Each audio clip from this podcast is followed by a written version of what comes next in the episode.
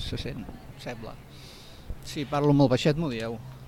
Benvinguts a un nou capítol de Mentrimentres. Arol Roig, benvingut a Mentrimentres. Què tal, com estàs? Moltes gràcies, encantat d'estar aquí amb vosaltres. És el segon cas d'una entrevista que fem a un editor.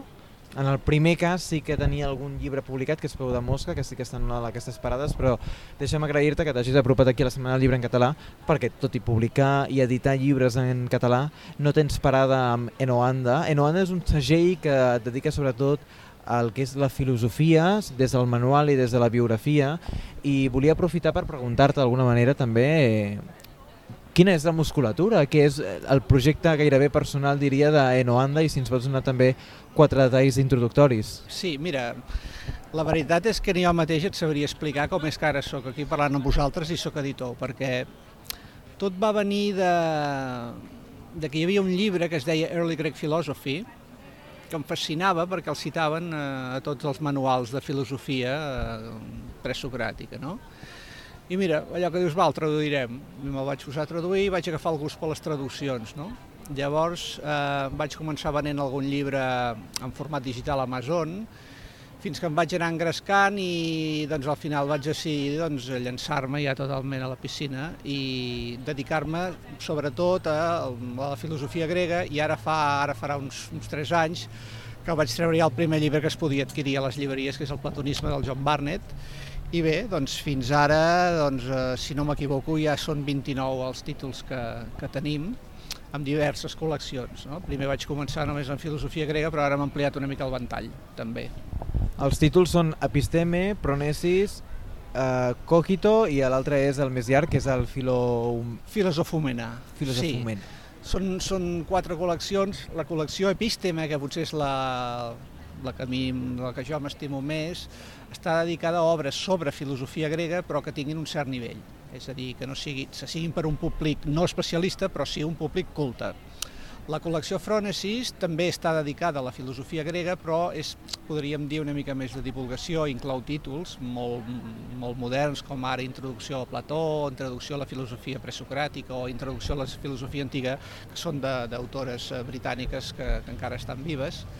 I després vaig pensar que també estaria bé, perquè feia falta doncs, una col·lecció sobre eh, monografies sobre autors de filosofia moderna, és a dir, doncs, de Descartes fins a Nietzsche, que és, que és la col·lecció Cogito. I finalment l'última que, hem, que hem tret, que és la filosofomena, seria una mica un calaix de sastre, on sobretot el que es busca és donar veu, en la mesura del possible, a autors eh, vius que tinguin ganes doncs, de, de publicar els seus llibres en català sobre filosofia que pot ser filosofia moderna, el que sigui, epistemologia el que vulguin, i que segurament, doncs, si no fossin publicats per Enoanda, tindrien dificultats per, per trobar un segell que els hi publiqués. Això junt amb altres eh, llibres, estudis, per exemple, doncs, eh, com t'he dit, sobre l'epistemologia, sobre el principi de causalitat, etc etc. Seria una mica un calaix de sastre, la filosofomena. Ara parlaves d'aquestes edicions vinculades més a autors de filosofia. En Ramon Alcoberro justament va passar per aquí per programa, que el va entrevistar la Berta Galofré, i van poder parlar d'aquest text o d'aquest recull de textos que feia referència a Nietzsche. Ara sé que n'ha preparat un altre i no sé si ens pots també donar quatre detalls. A veure, ha, ha preparat uh, un llibre sobre ell, em va comentar que havia treballat a la Epson i uh, hi entén el tema de robòtica, intel·ligència artificial i tot això. És un llibre que es titula Ex Màquina, uh, Big Data, Ètica, Algoritmes i Robots, i parla sobre aquest tema de l'ètica aplicada doncs, al que seria la intel·ligència artificial. És un llibre que sortirà, eh, doncs hauria de sortir el dilluns que ve. Algunes llibreries ja el tenen, però està, està a punt, a punt, a punt de sortir. Sí déu nhi déu Avui estem parlant amb en Arol Roig de Noanda. De Noanda, ara podem entrar en detall amb dos dels volums que avui eh, he portat cap aquí. Eh, comencem eh, potser amb el de l'Enrico Berti, aquesta introducció a la metafísica, jo m'he apuntat eh, un seguit de notes. Uh -huh. uh, comença de tot amb Aristòtil, d'alguna manera, sembla sí. que Aristòtil és l'inici de tot, sí. però de recull metafísic, per entendre'ns, ens arriba fins a la contemporaneitat, és a dir, realment es tracta gairebé d'una genealogia del que entenem per metafísica sí. en el pur sentit de la paraula. Efectivament, l'Enrico Berti, com és sabut, era, dic era perquè ens va deixar aquest febrer, si no, si no recordo malament, era un gran aristotèlic, va dedicar pràcticament tota la seva, tota la seva vida a l'estudi i a la difusió d'Aristòtil. Pràcticament tots els seus llibres estan dedicats a Aristòtil i efectivament ell eh, aposta per la metafísica en aquest llibre, la, el que ell anomena metafísica clàssica, és a dir, metafísica de tall aristotèlic. Però a l'inici del llibre fa una sèrie de descripcions dels diversos tipus de metafísica que hi podrien haver, per després centrar-se més en el que ell anomena metafísica clàssica, i la tesi del llibre podríem dir que és que la metafísica eh, és irrefutable, perquè com que hi ha moltes metafísiques, sempre hi haurà crítiques que es faran a cada una d'aquestes metafísiques i ell diu que aquestes crítiques s'han de reduir al silenci per via de refutació. És a dir, que la metafísica no té un principi del qual sorgeix, sinó que s'ha de demostrar refutant aquells que diuen que no és possible. Una mica que és com va fer Aristòtil amb els que deien que no existeix el principi de contradicció, que va dir molt bé, doncs jo us refuto la vostra, la vostra refutació i demostro per via negativa que el principi de contradicció existeix.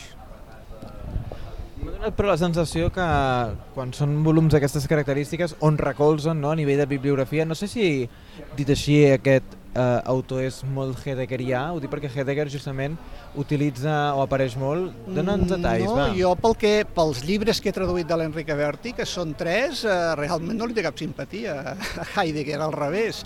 Aquí no, però hi ha un altre llibre que també tenim editat, que és eh, Estructura i significat de la metafísica d'Aristòtil, un llibre que es, que es llegeix molt bé pel, pels qui vulguin eh, després endinsar-se a la metafísica d'Aristòtil, que realment és bastant dur amb, amb Heidegger, és a dir, que el cita però sempre per uh, aportar-hi documents, uh, uh, arguments en contra, sí, sí. Avui estem parlant amb l'Arol Roig, eh, també m'acompanya en Joan a Dolça Metzina. Joan, què tal, com estàs? Molt bé, Bernat, gràcies. Ara passarem al següent capítol, eh, que és eh, parlar del John Barnett. Hem agafat dos autors i aquests dos autors els estem modulant d'alguna manera, perquè d'alguna manera són els autors, jo crec que tenen més eh, publicacions que heu publicat eh, vosaltres, sí. tant el Barnett com el Berti. Sí. Són dos autors que has traduït tu. Sí, sí. Això sí que ho hauríem de dir, exceptuant eh, el cas crec que de tres volums a l'editorial, la resta són totes tra traduccions teves. Sí, eh, ara seran quatre, però si ara, com deia anterior, em sembla que, que en tenim 29 amb aquests tres que surt, aquestes tres novetats que sortiran la setmana que ve, doncs quatre no són traduccions meves, tota la resta sí que ho són, sí.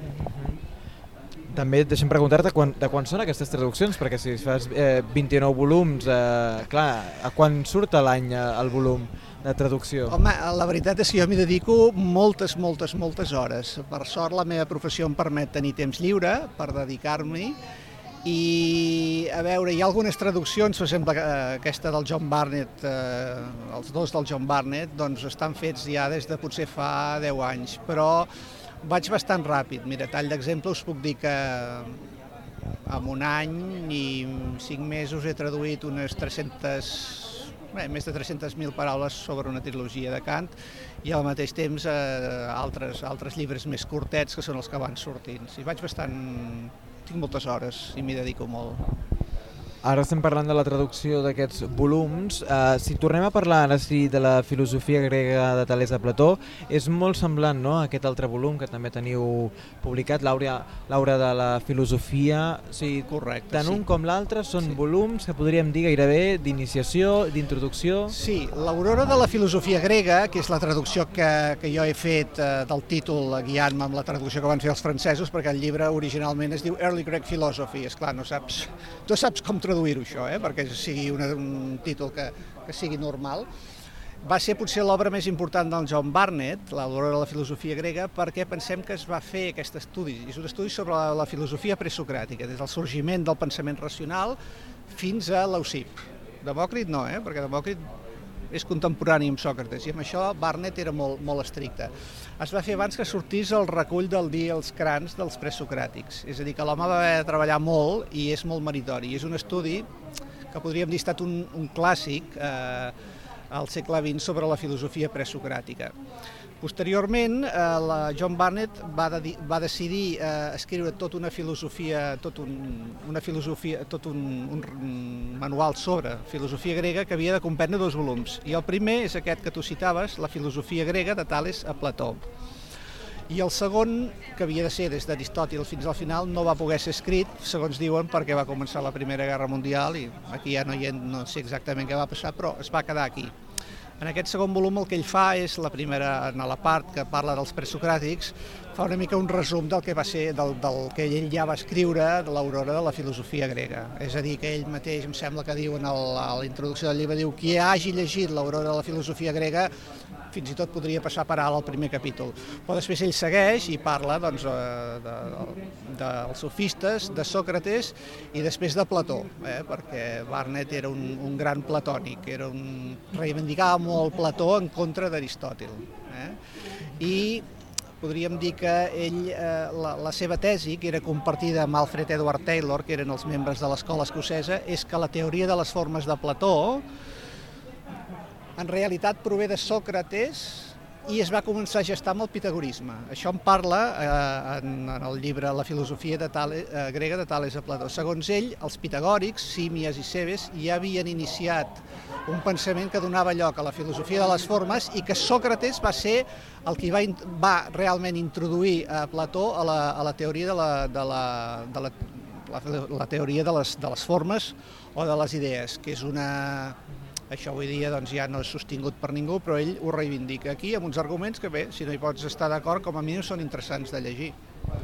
Avui estem parlant d'aquesta col·lecció que és Enoanda. Eh, hem entrat en déu nhi els detalls d'aquests dos volums. La idea és seguir, encara queden, m'imagino, de volums d'aquestes característiques, però potser són altres autors. No sé si en aquest sentit ens pots fer també eh, cinc cèntims d'alguna manera del que queda també per traduir pel que fa a personatges d'alguna manera, eh, acadèmics o no només acadèmics, que s'han dedicat a l'estudi i a partir sobretot d'aquest tipus de volums. Ho dic perquè a vegades això es contraposa molt fàcilment a això que en castellà sí que en diem, no? història de la filosofia, que hi ha el típic Copleston, etc etc etc. no? També hi ha altres, no? Eh, els que estan signats per altres persones.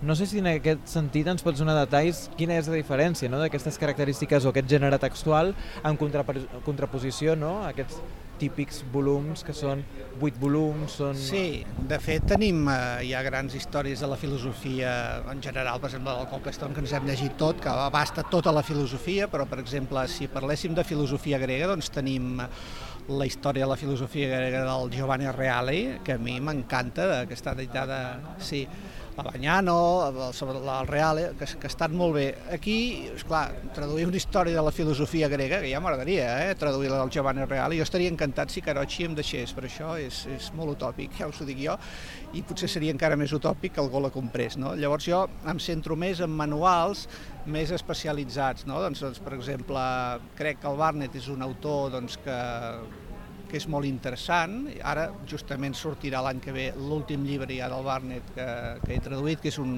un recull de...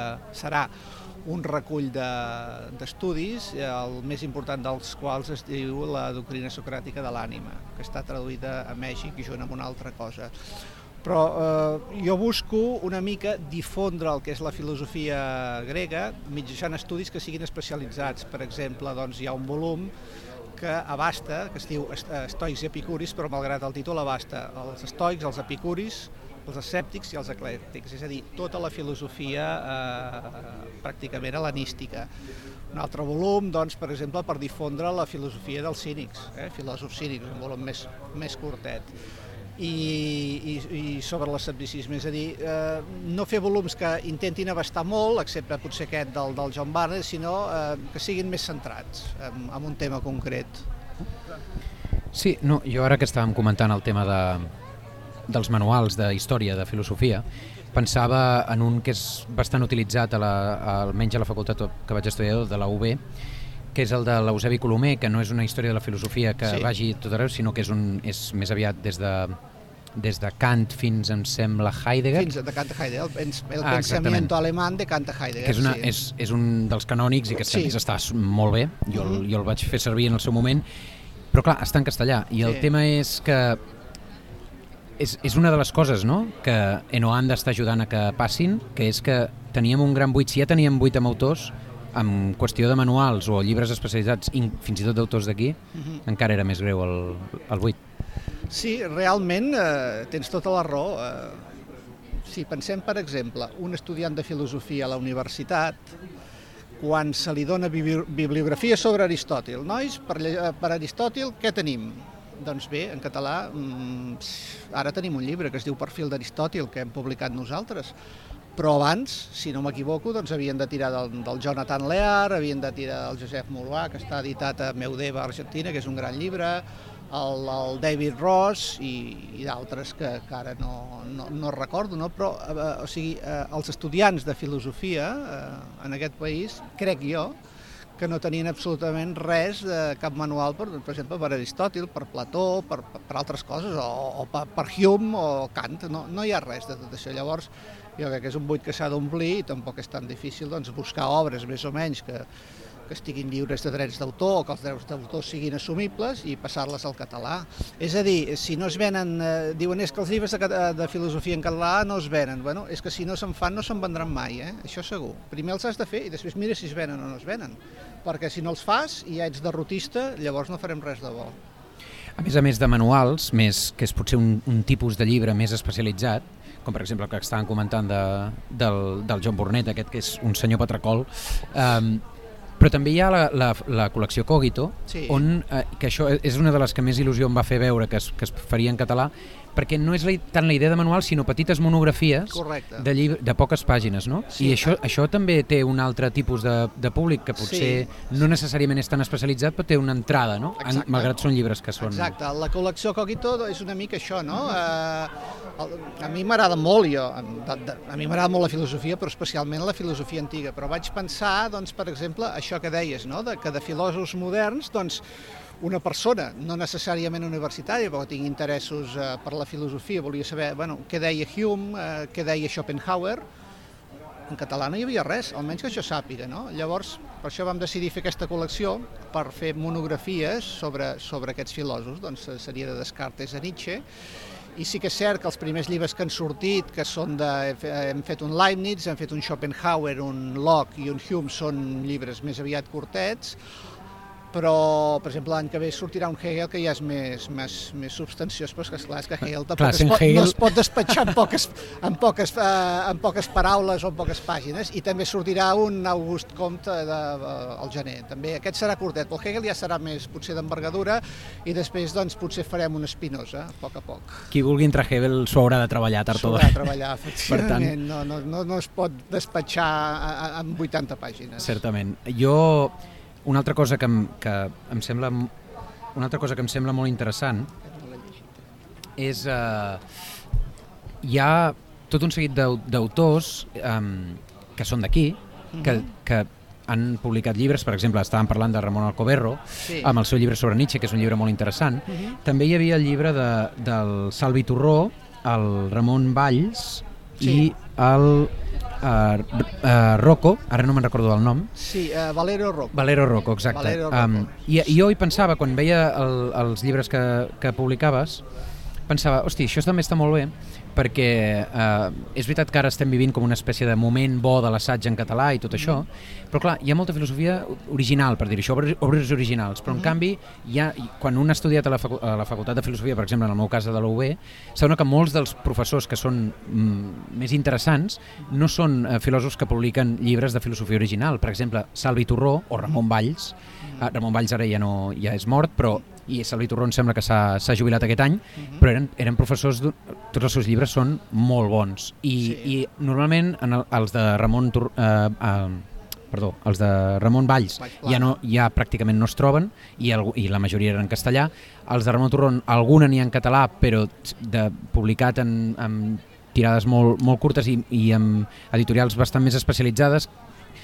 Jo crec que això també fal, faltava, no?, d'alguna manera. Sí, és que hem de donar una mica la veu als professors que tenim eh, universitaris d'aquest país perquè i amb això, jo que conec una mica Itàlia, aquí són molt diferents perquè, escolta, és que a Itàlia els professors publiquen una quantitat de llibres, és increïble, la, la quantitat de llibres que publiquen els professors universitaris.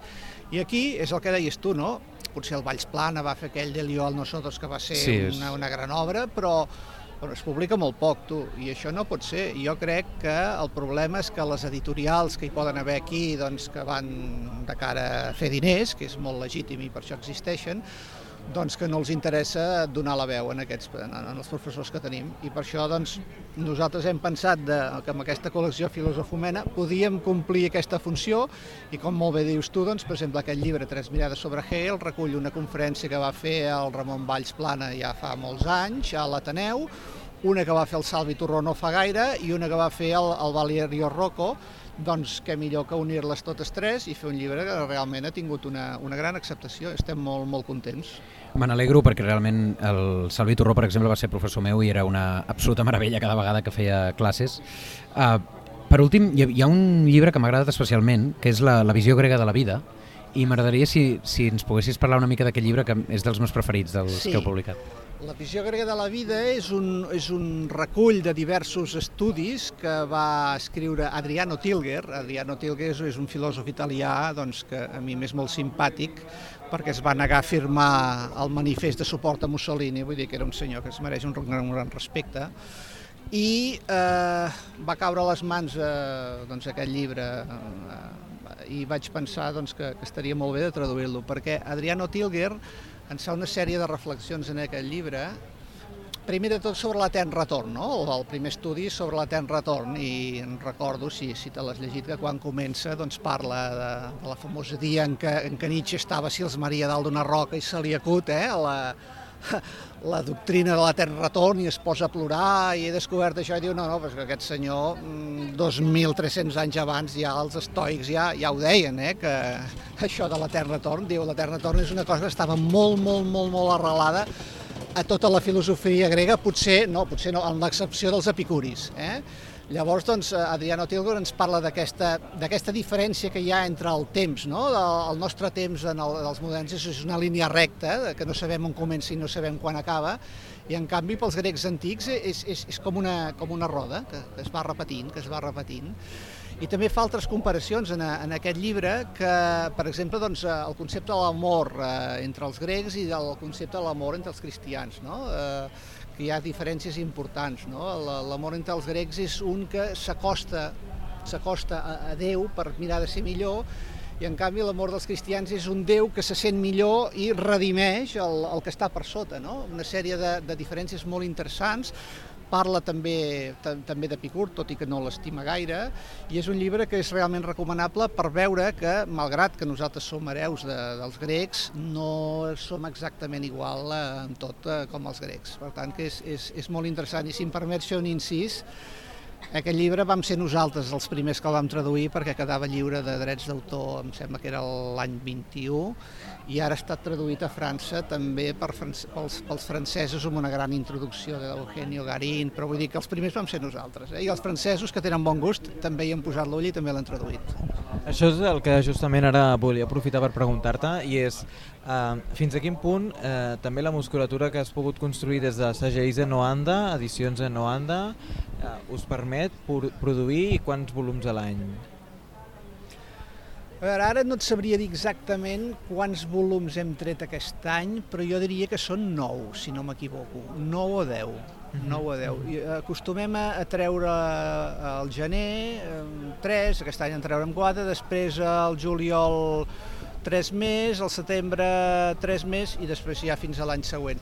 Depèn, evidentment, de, del gruix dels volums, és clar. Eh, una trilogia sobre Kant s'ha de treure a poc a poc i tens molta feina per corregir-la, etc etc. però llibres més curtets doncs, eh, no donen tanta feina. Per exemple, els llibres de la col·lecció Cogito que comentava ara el teu company, doncs, són, són relativament més, més fàcils de traduir i van més ràpid. Doncs, depèn, depèn, del, de, depèn del volum. Però jo diria que un, eh, ara la velocitat de creuer que, que portem serien uns 9 llibres l'any, aproximadament. Fa poc vas donar una entrevista en un diari digital, o de fet també va sortir en paper, i deies, no?, aquest any serà el primer any que l'editorial genera en tot cas benefici, això és sí, el que va sortir com a sí, titular. Sí, sí, sí. No sé si ens pots donar més detalls, això què vol dir? Que heu pogut eh, optar a ajudes, heu pogut optar, no optat a ajudes, mai. per tant, en aquest sentit? Us no, ho heu de no, no, fer no, no, tot no, vosaltres? No. Ens ho fem tot nosaltres, és a dir, jo crec que si els llibres que publiquem no interessen, doncs no interessen i la gent no els compra i llavors doncs resulta que, bueno, doncs que el problema és per nosaltres o per la societat que no els interessa la filosofia, però eh, això sí que ho tinc claríssim, que eh, nosaltres no demanarem mai subvencions, és a dir, nosaltres farem unes tirades petitones i quan s'esgotin en farem més i, i a poc a poc i bona lletra, però subvencions jo no considero que no n'haig de demanar i no, no, no em penso demanar mai potser em demanaria si, si haguéssim de buscar un traductor de l'alemany per traduir determinades obres que, que són molt importants, però en principi no, no, no en demanem. I sí, aquest any sembla, sembla que no, no es perdran diners. Eh, no es perdran diners no vol dir que se'n guanyin, només guanyaran 200 euros, però hi ha la satisfacció eh, de que els teus els llibres que tu publiques es llegeixin i que no perdis diners, doncs és, és important i això vol dir que a poc a poc anem obrint forat, eh, vosaltres, per exemple, avui ens feu conèixer, perquè molta gent no ens coneix, i a poc a poc, amb una entrevista, amb un tuit, amb un tal i tal, doncs anem, anem sent una mica cada vegada més coneguts i em, soc, soc realment optimista en aquest sentit que, que Noanda tindrà una llarga vida. Ja per anar concloent l'entrevista, ja portem gairebé, passem els 25 minuts, m'agradaria preguntar-te ets tu sol segells de Nuanda? Tens ajuda? Tens eh, un corrector de confiança? Com, com t'ho estàs fent? Bé, si t'haig de dir la veritat, de Nuanda soc, soc jo. O sigui, jo sóc el traductor, jo sóc el maquetador, jo faig les portades, jo corregeixo. Si bé tinc l'ajuda de, del professor Ramon Alcoberro, que aquests últims eh, anys doncs, ha estat en contacte amb mi, i ell m'ha ajudat a corregir algunes, alguns, alguns llibres, Últimament tots els llibres que, que, que he publicat doncs, eh, me'ls ha corregit ell i sí, realment ho faig tot jo, excepte la distribució, òbviament, que la fa, la fa una empresa. Eh, l'altre suport que tinc és, és el Ramon Alcoberro, que per això doncs, publiquem llibres d'ell, perquè li estic molt agraït.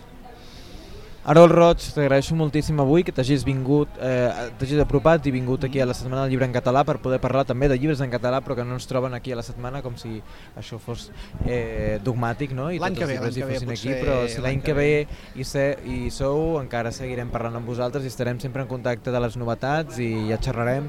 Eh, Joan, un altre cop, gràcies. Moltes gràcies, Bernat. I estem en contacte. Moltes, Moltes gràcies. gràcies a vosaltres.